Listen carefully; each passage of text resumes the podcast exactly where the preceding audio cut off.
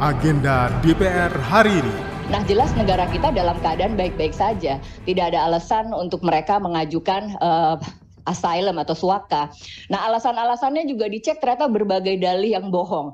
Dipersekusi karena perbedaan orientasi seksual, dikejar debt collector dan lain-lain. Ini kan nggak lucu ya, karena buat nama Indonesia juga jadinya jelek sekali gitu seolah-olah negara kita pelindungan HAM-nya seperti apa. Saya menangkap Kemenlu seperti tertinggal dalam isu-isu seperti ini. Saya kira termasuk isu terakhir Pulau Rempang ini. Ini kan di wilayah yang relatif terdepan ya, karena dia ada di sekitar Pulau Batam, Selat Malaka yang penuh dengan lalu lintas investasi 318 triliun, 380 sekian triliun. Kembali Anda ikuti agenda DPR hari ini, Kamis 14 September 2023. Bersama saya Doni Suprianto. Kita mulai dengan agenda pertama. Pada pukul 9, Biro Humas dan Protokol menggelar pembukaan Parlemen Remaja 2023. Pada pukul 9 lebih 45 menit, simulasi persidangan Parlemen Remaja 2023 di ruang KK2 Berlanjut kita ke pukul 10 waktu Indonesia Barat di mana Badan Legislasi menggelar rapat panja penyusunan rancangan undang-undang tentang Ombudsman. Di mana Komisi 1 menggelar rapat kerja dengan Menteri Luar Negeri Republik Indonesia dengan acara penyesuaian rencana kerja anggaran Kementerian Luar Negeri tahun anggaran 2024. Rapat dibuka oleh Wakil Ketua Komisi 1, Teguh Rifki Harsha.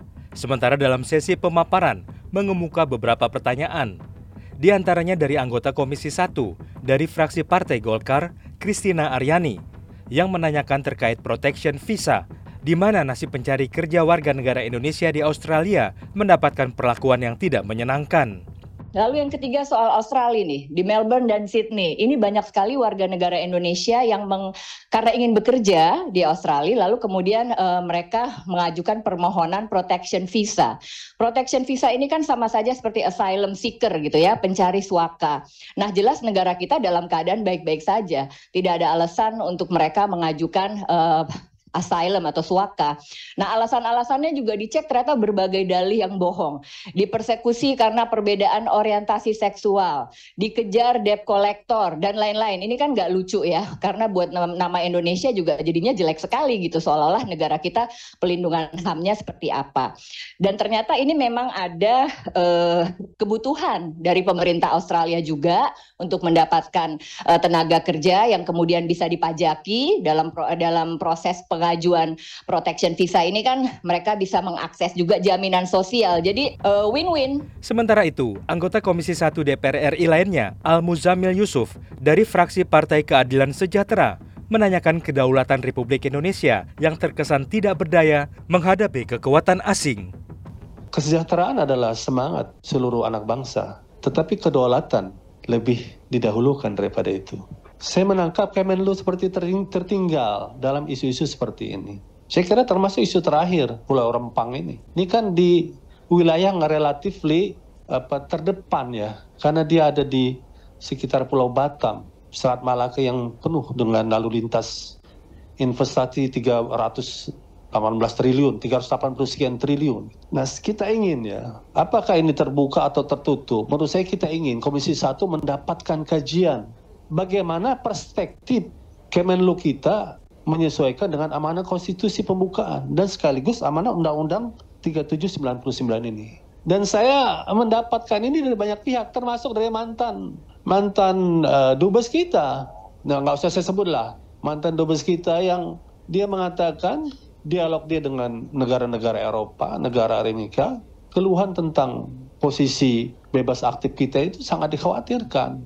Saya tidak tahu ini apa konsumsi untuk dijawab terbuka. Saya yakin uh, Pak Wamenlu kebetulan latar belakang beliau juga pada investasi luar biasa. Kalau toh ini tidak mungkin dijawab secara terbuka, pimpinan saya kira perlu kita dapatkan informasi kajian yang tertutup apa yang bisa kita baca. Eh. Masih di jam yang sama, Komisi 4 menggelar rapat kerja dengan Menteri Kelautan dan Perikanan Republik Indonesia dihadiri oleh Dirut RNI, Dirut Perikanan Indonesia, Dirut PT Garam, dengan agenda pembahasan mengenai penyusunan rencana kerja anggaran Kementerian dan Lembaga tahun anggaran 2024 sesuai hasil pembahasan Badan Anggaran.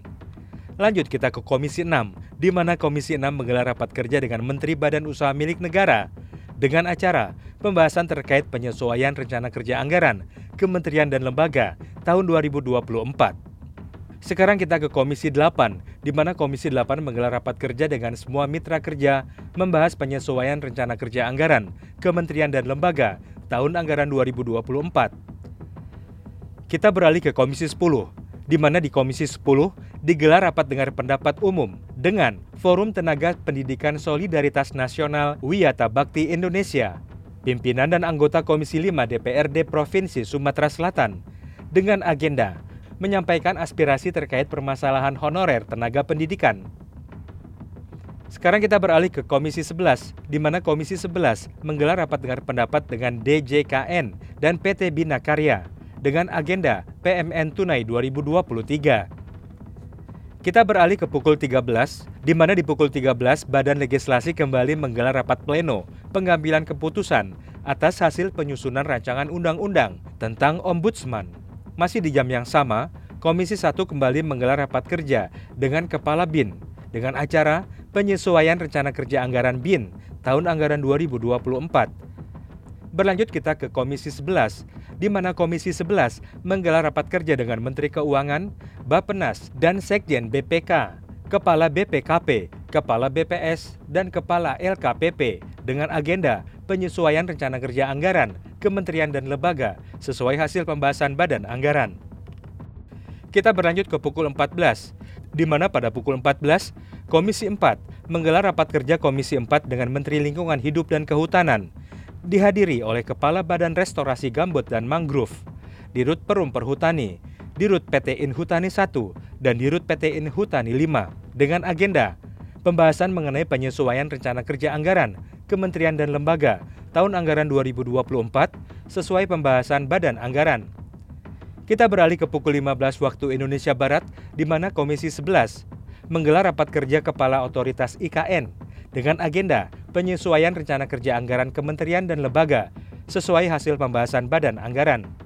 Dan sampailah kita di agenda terakhir di hari ini, di mana digelar rapat paripurna Parlemen Remaja tahun 2023. Demikian agenda DPR hari ini. Untuk informasi selengkapnya, simak dan ikuti media sosial TV dan radio parlemen. Saya Doni Suprianto. Sampai jumpa.